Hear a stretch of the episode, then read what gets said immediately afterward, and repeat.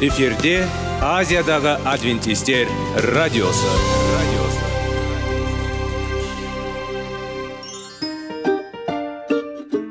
Сәлем достар. Денсаулық өмір бұлағы және біздің бірінші байлығымыз демекші денсаулық сағаты рубрикасына қош келдіңіздер. Біздің рубрикада біз әртүрлі факторларменен мәліметтерменен кеңестерменен бөлісіп шын жүректен сіздердің дендеріңіз сау болғанын қалаймыз. Сол үшін біздің рубрикаға қош келдіңіздер. Дайындалып тұрыңыздар. Өйткені келесі минуттарда қызықты фактілерге ие боласыздар. Енді достар ең бірінші байлығымызды қолымызға алып алға кеттік.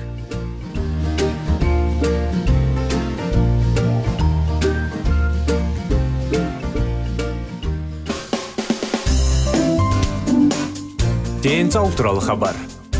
Денсаулықтың ашылуы. Күн сайын сөз үшін күшті кеңестер соңғы жаңалықтар қызықты факторлар. Біздің рубрикада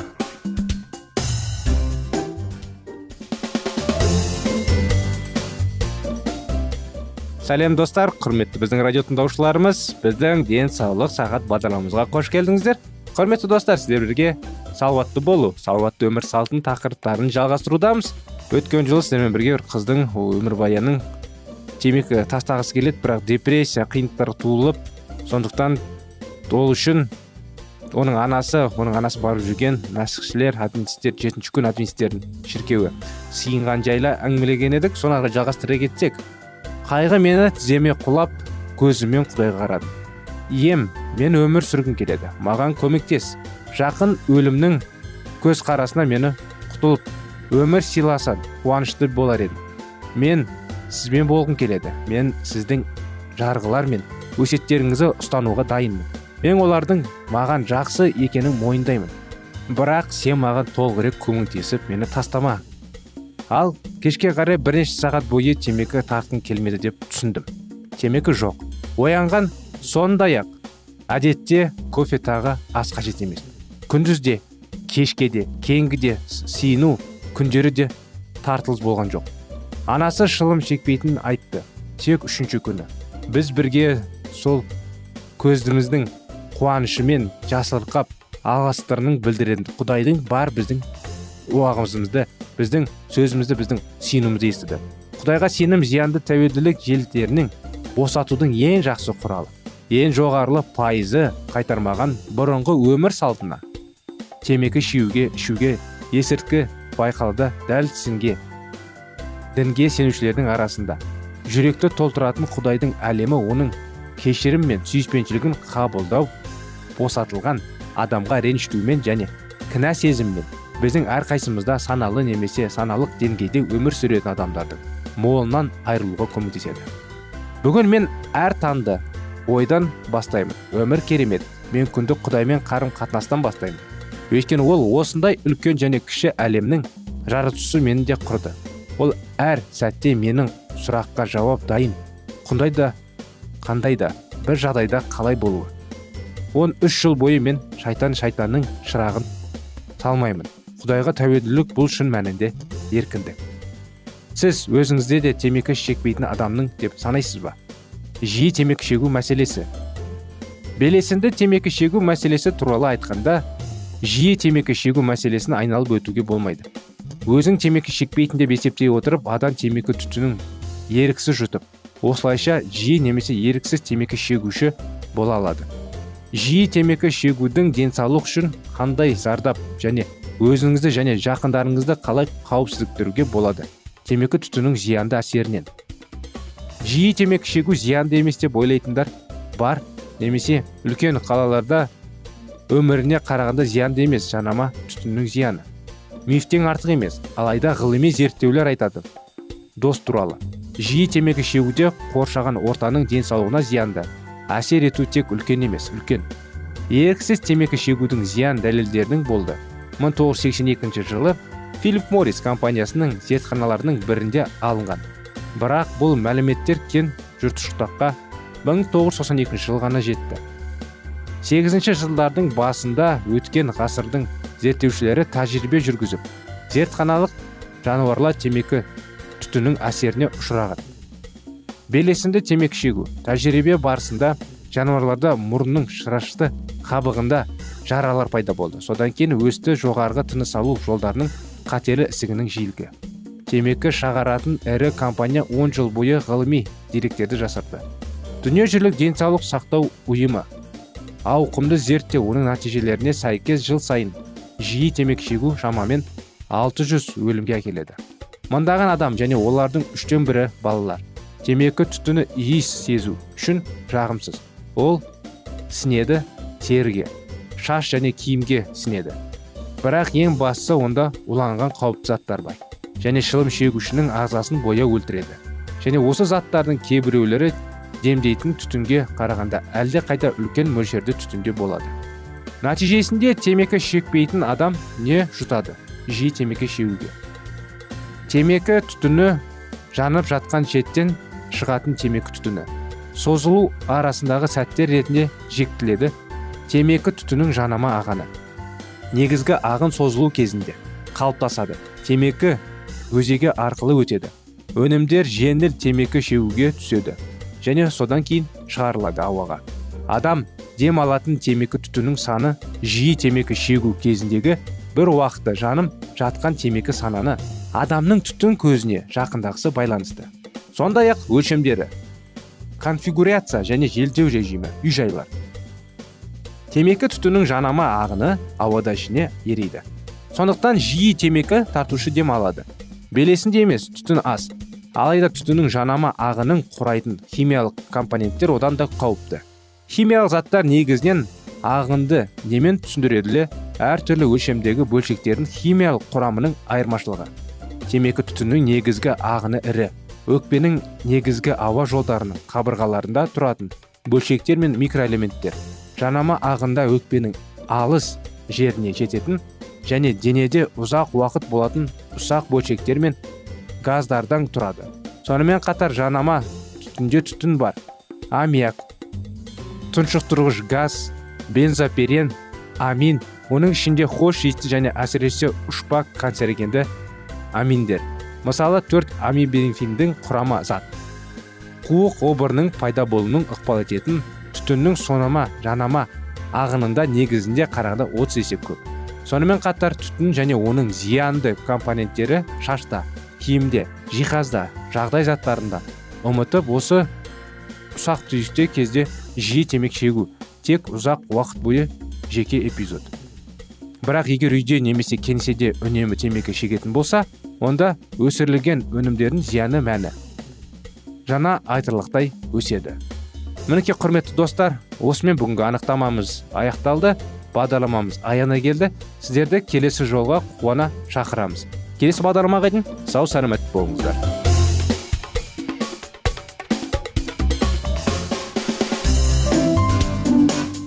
Денсаулық туралы хабар. Денсаулықтың ашылуы. Күн сайын сөз үшін. Күшті кеңестер соңғы жаңалықтар қызықты факторлар біздің рубрикада.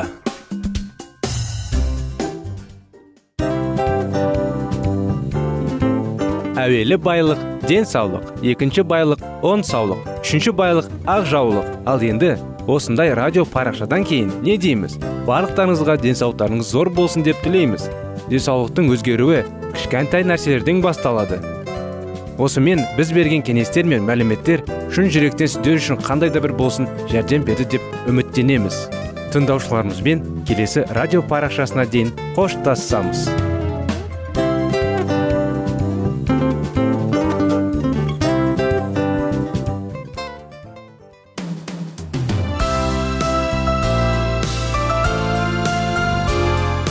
эфирде азиядағы адвентистер радиосы радиосы.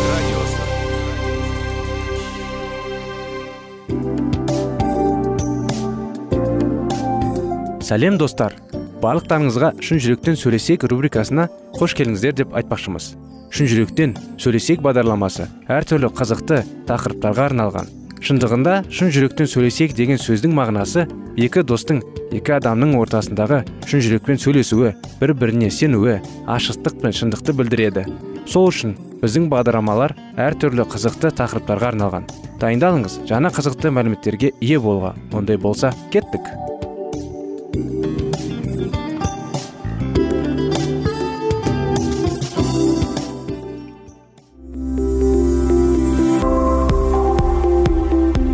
алтын сөздер. Сырласу. Қарым қатынас жайлы кеңестер мен қызықты тақырыптар. Шын жүректен сөйлесейік рубрикасында.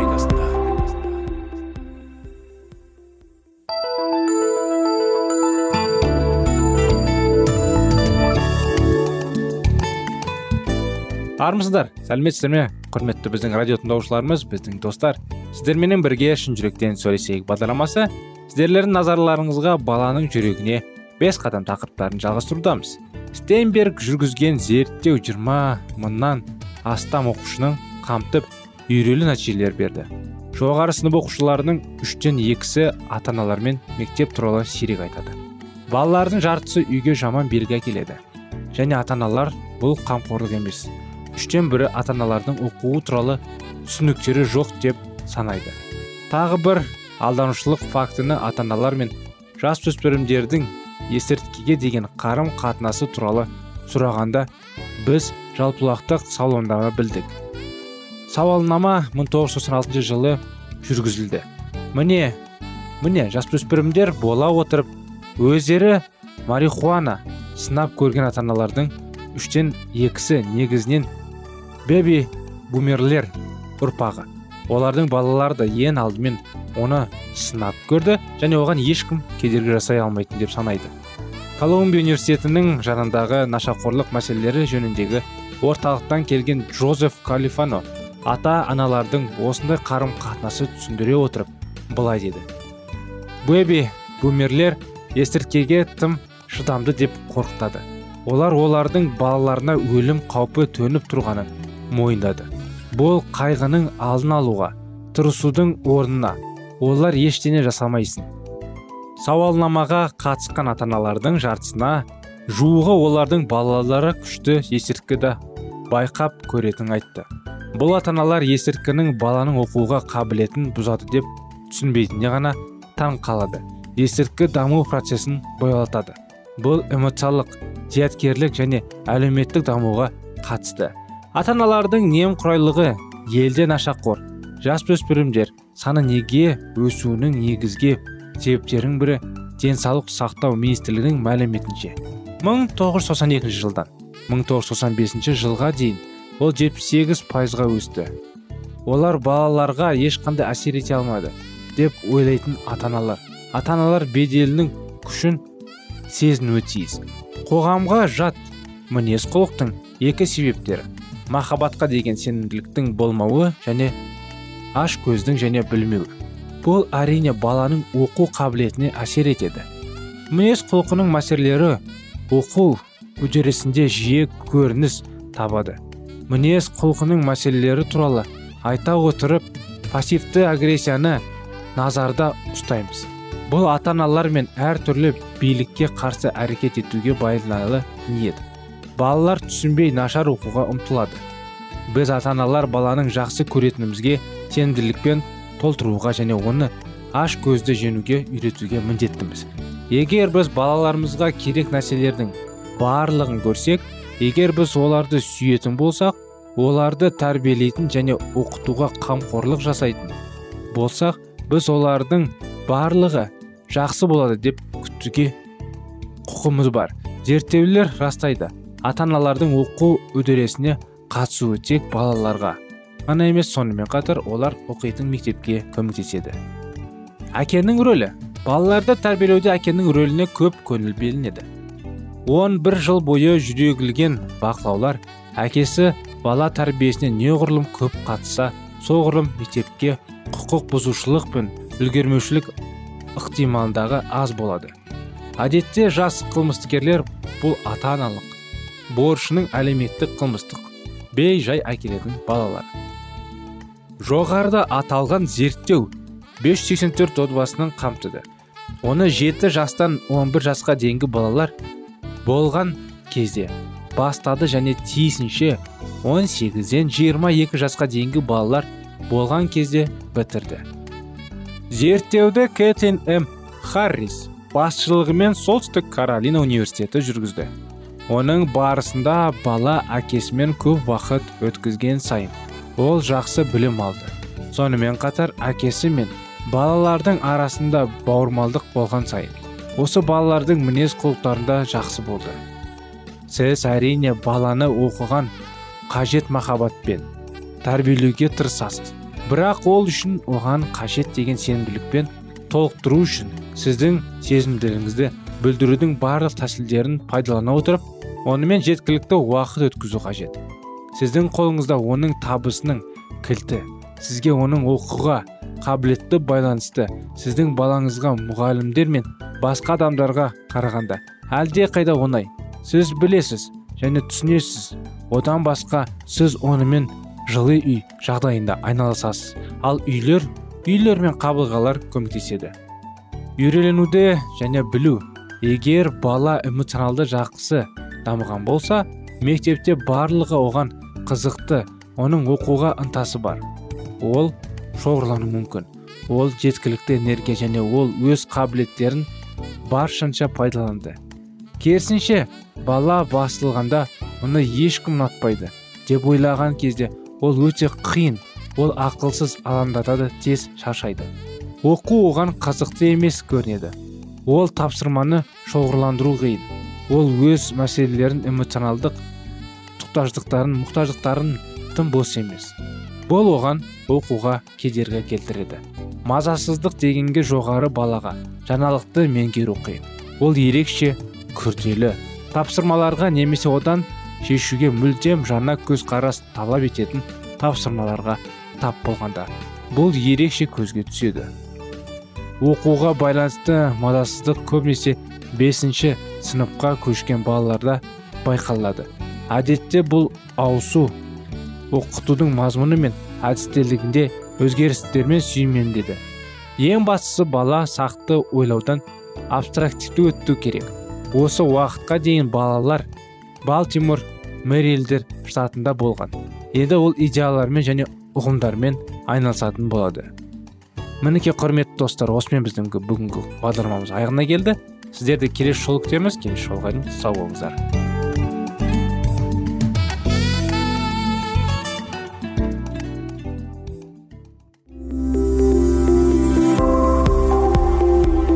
Алтын сөздер. Сырласу. Қарым қатынас жайлы кеңестер мен қызықты тақырыптар. Шын жүректен сөйлесейік рубрикасында.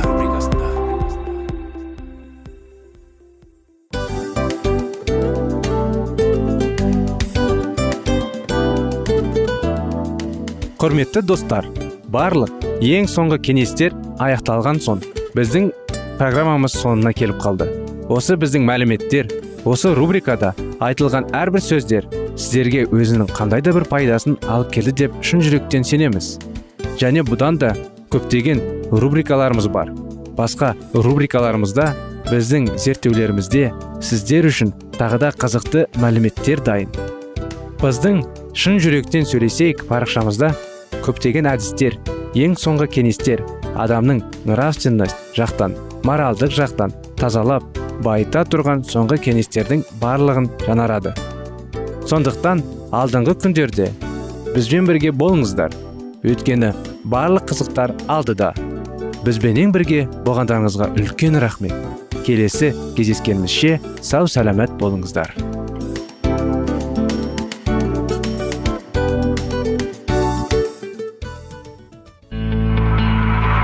Жан дүниеңді байытқан жүрегіңді жаңғыртқан өмірдің мағынасын ойландырған рухани жаңғыру рубрикасы.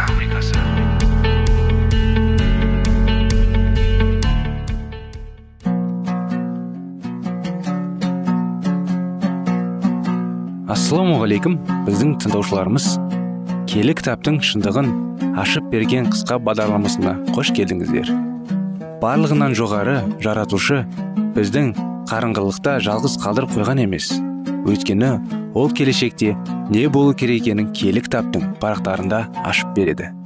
Немесе келіңіздер бізге қосылыңыздар.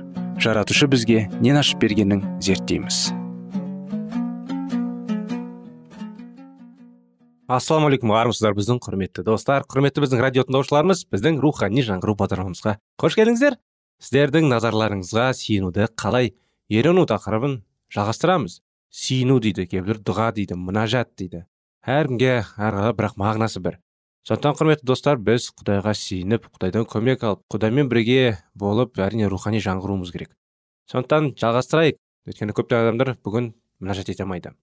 Мінәжатпен құдайды даңқтау менің атымнан әкемнен сұрасаңдар да орындаймын. Сонда әкенің ұлылығы өзінің рухани ұлы арқылы көрінеді дейді. Көп жылдар бұрын мен германияда студент болдым. Ұзақ уақытқа созылған тынымсыз еңбектен кейін біраз демалғым келді де. Мандеровтегі қарт сенуші самуил целлерге жолығу үшін швейцарияға барып қайтуға бел будым сонда ол тәні үшін ғана емес жаны үшін де демалыс дегендерге рухани демалыс орнын ашқан болатын. Целлер табиғи және рухани қабілеттері өте жоғары адам еді. Сондай ақ ол кішкентай мемекені біртіндеп рухани және жүйкесі ауыратын адамдарға арналған үлкен орталыққа айналдыра білген мықты ұйымдастырушы да болатын. Ол керемет шешем болады мен табиғатынан сөздің майын тамызатын талай адамды көрдім. Бірақ құдай сөзін уағыздайтында целлерге ешкім де келмейтін тең келмейтін.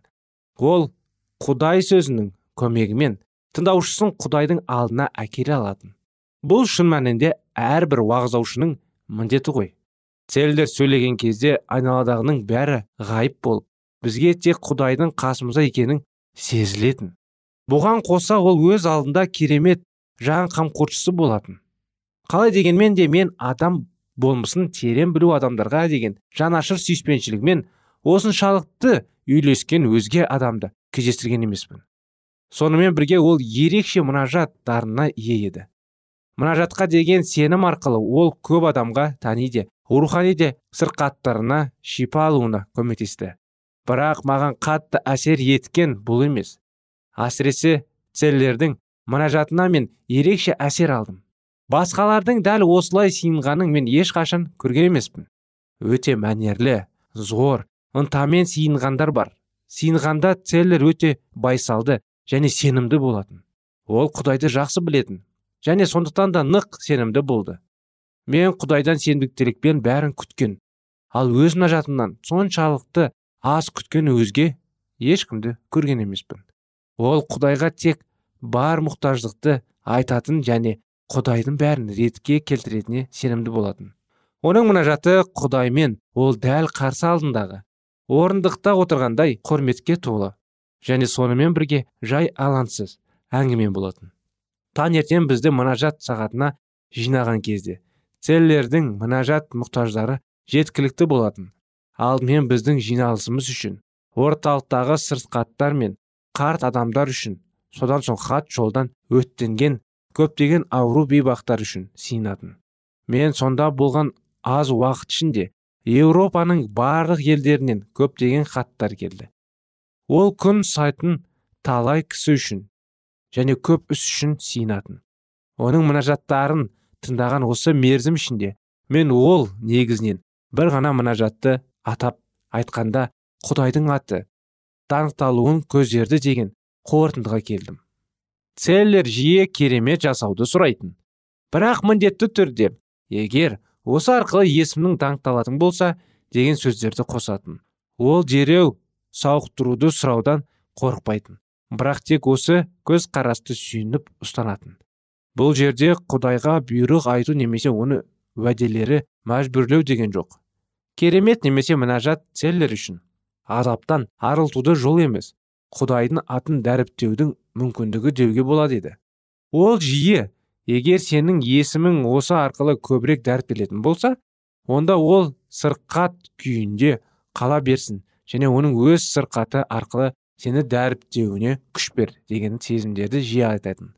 Целлер тек өзгелер үшін ғана сиынған жоқ. Ол арқылы көптеген өзге адамдар сауықтыруға қол жеткізген оның өзі қатерлі науқас болатын. Ол өз сырқаты арқылы құдайды дәріптесу тиіс екенін білді. Мұнажаттың мәні мен мақсатты алғаш рет маған осы жерде ашылады. Осы жерде мен мұнажаттың не үшін қолданылуы тиіс екенін анық көрдім.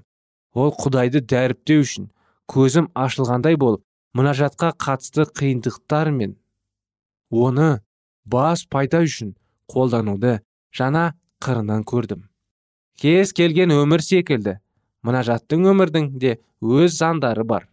Бұл жердегі негізгі заң мынау. Мұнажат құдайды дәріптеу үшін бекітілген. Ол исаға өзінің құдіретті күшін қолдауына мүмкіндік беруге тиіс болды. Мұнажатымыз арқылы біз исаның жанымызға тәнімізге үйімізге көршілесімізге елімізге бүкіл дүниеге және әлі құтқарылмағандарға енуіне мүмкіндік беруге тиіспіз. Егер біз мұнажатты өзімізге және жақындарымызға қандай да бір пайда келтіру немесе азаптар мен қиындықтардан құтылу үшін емес өзіміз бен жақындарымыз үшін құдайды дәріптеуде сұрау үшін қолданатын болсақ онда әлсіз болса да мұнажаттың өмірімізде біз келі кітаптағы құдайдың мұнажатқа қатысты уәделерінің орындалғанын көреміз. Сонда біз мұнажаттан мүмкін еместің ойымызға да келмегенін орындап ғанаға куә боламыз. Былай деп жазылған. Біз оның еркіне сай бір нәрсе сұрасақ құдай тілегімізге құлақ салады деп нық сенеміз. Не сұрасақ та құдай бізге құлақ салады деп білсін. Оның тілегіміздің беретіне де білеміз. Осылайша елші өзінің мұнажатының тәжірибесіне сүйеніп былай деп жұжымдайды егер біз құдайдың еркіне сай нәрсені сұрайтын болсақ сол сәтте ол орындалады. Тек ол көктен келе жатыр. Біз тек оның келіп жететін уақытын ғана білмейміз. Құдайды жақсы білетін адам мұны да құдайдың қолына табыстап үйренеді. Мұнажаттың орындалуына ерте ме кеш пе жүзеге асатынын қарамастан ол қуана күтуме болады. Сенушылардың кейбір сірә абдырап қалатын болар. Осы жерде айтылғандардың бәрінен кейін ол мұнажаттың қасиетін бұрыс қолданды деп ойлай бастайды.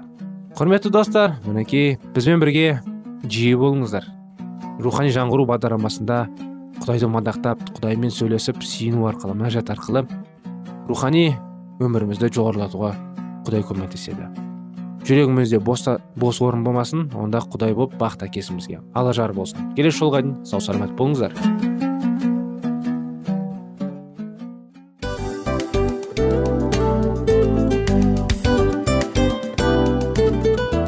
Мынау осы уақыт тез өтіп кетеді екен.